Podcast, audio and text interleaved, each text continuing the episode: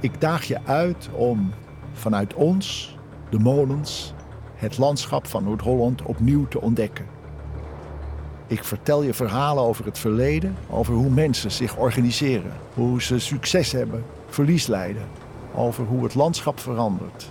Je ontmoet de molenaars die ons in stand houden en je ontmoet mensen die vandaag de dag aan het landschap werken en nadenken over de toekomst.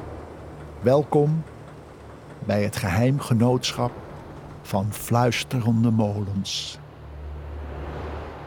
Hallo, ik ben Roos Slikker. In het dagelijks leven ben ik uh, columnist, schrijver, klein beetje televisiemaker.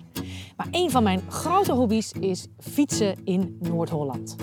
En soms vraag ik me af, bestaat dit prachtige landschap straks nog voor mijn kinderen en mijn kleinkinderen? En nou heb ik een brief gekregen van het Genootschap van Fluisterende Molens. Waarin mij wordt gevraagd om heden, verleden en toekomst van het Noord-Hollandse landschap te ontdekken.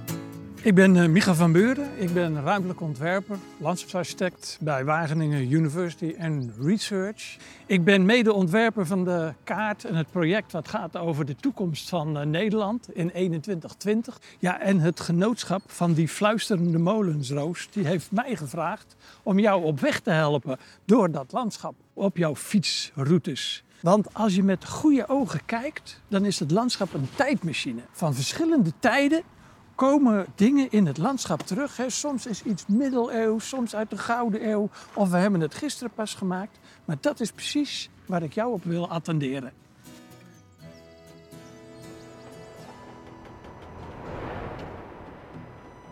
Nou, Roos, aangekomen in Edam. Wat we hier zien is dat er ontzettend op dit moment eh, gewerkt wordt aan toch weer versterken van die dijken. Want ook die meren, die leveren een risico op. Zeker als dat meer, dat IJsselmeer, het Markermeer, hun water in de toekomst niet voldoende meer kwijt kunnen op de, wat nu nog echt de zee is. Daar zijn heel veel mensen die aan die mooie huizen wonen, net aan de dijk. Die denken, die dijk wordt hoger, sterker. Ik uh, verlies mijn uitzicht, dus dat is een enorme discussie kunnen we hier niet zogenaamde vooroevers maken? Eigenlijk een soort van eilandjes, net in het water, zodat uh, die golfkracht niet afgeremd hoeft te worden door die dijk zelf, maar door juist die eilandjes die daar ontstaan. En misschien kan je daar juist weer hele mooie natuurgebieden en recreatiegebieden van maken. Vroeger kwam hier de zeehond voor. Ja, wie weet kan die dan ook weer eens terugkomen. Zeker als die eilanden zo succesvol blijken te zijn, dat we ook de afsluitdijk weer kunnen wegdoen. Nou, dat lijkt me een interessante opgave om daar eens naar kijken, Roos.